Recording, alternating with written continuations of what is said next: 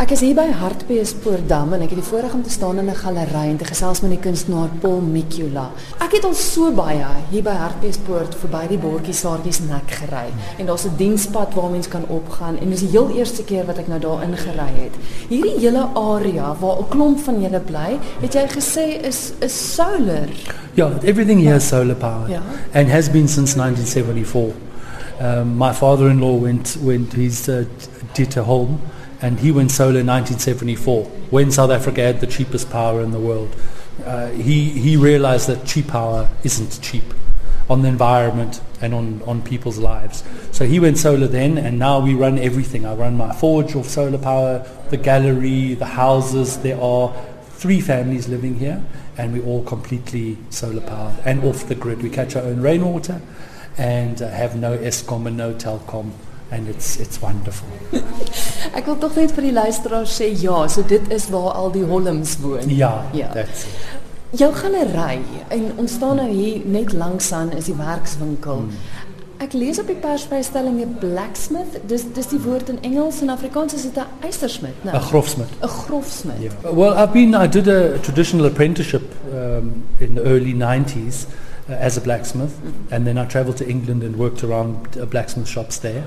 And, uh, then I came back, started my own shop open, and, um, and since then I've been working as a professional smith, but I've been doing it now about 30 years now. And um, now I mostly make art. I use the old traditional skills to, to, make, to make my art now and um, I, I focus mainly on, on, on old uh, uh, artifacts that I find, uh, old wagon axles and old plows that have already been forged 100 years ago, and I reforge them into my sculptures now. So it's, uh, it's the same processes but in a, in a different, more creative way. Dis ongelooflik. Ek gaan vir die luisteraars verduidelik. Hier's 'n tafel byvoorbeeld waarna ons staan en kyk en die die onderste deel van die tafel lyk soos 'n kroon met 'n glasblad bo-op. So dit is alles ou yster want alles is van yster gemaak. Ja, that's So dis right. ou yster wat jy smelt en 'n nuwe kuns van maak. I don't, I don't melt it. I Ah. heat it up in my fires, and when it's red hot, then I work it. O, is dit hoe dit werk? Yeah, yeah.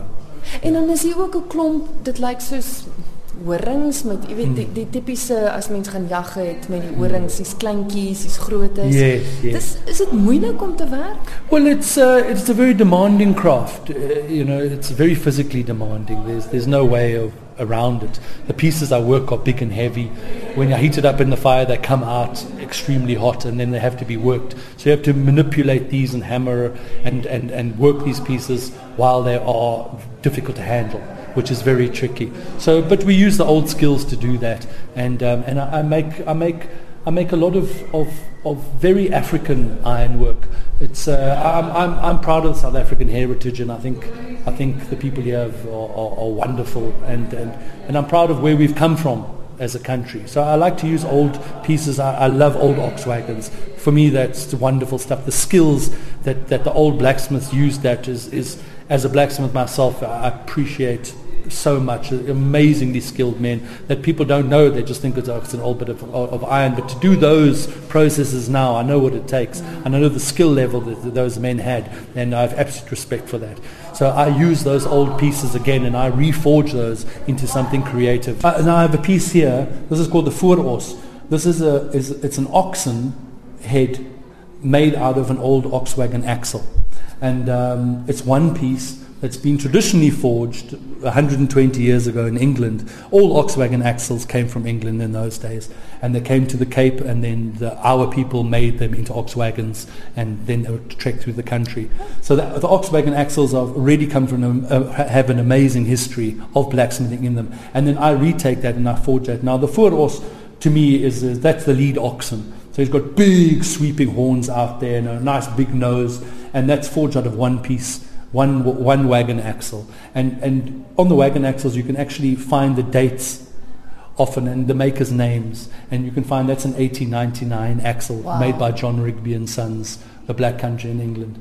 And uh, it was brought out here. Now, now I've made a, a wonderful artwork that that will hopefully last forever in perpetuity. Met so 'n ryk geskiedenis. Yeah, absolutely, absolutely. Nou, jy het nou hierdie werk spesifiek gemaak vir die uitstalling wat nou vandag geopen het, maar die galery is altyd oop. Ek meen mense is altyd welkom om te kom kyk, verstaan reg? Absolutely, absolutely. I have my blacksmith shop right. It's built on the gallery, or the gallery is built on the blacksmith shop. It's it's it's one and the same. I work a lot to order, and I, I do special projects for people who are looking for something special and appreciate old world skills.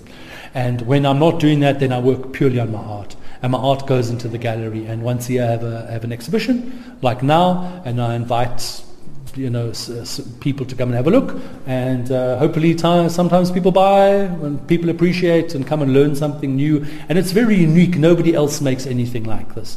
And um, and I'm proud of that. It makes it makes me proud. It's taken me overseas. I've been a I've been a guest to Blacksmith uh, in Belgium last year because I offer something completely unique to to others, and it's uniquely African and it's uniquely South African, which uh, which I'm proud of.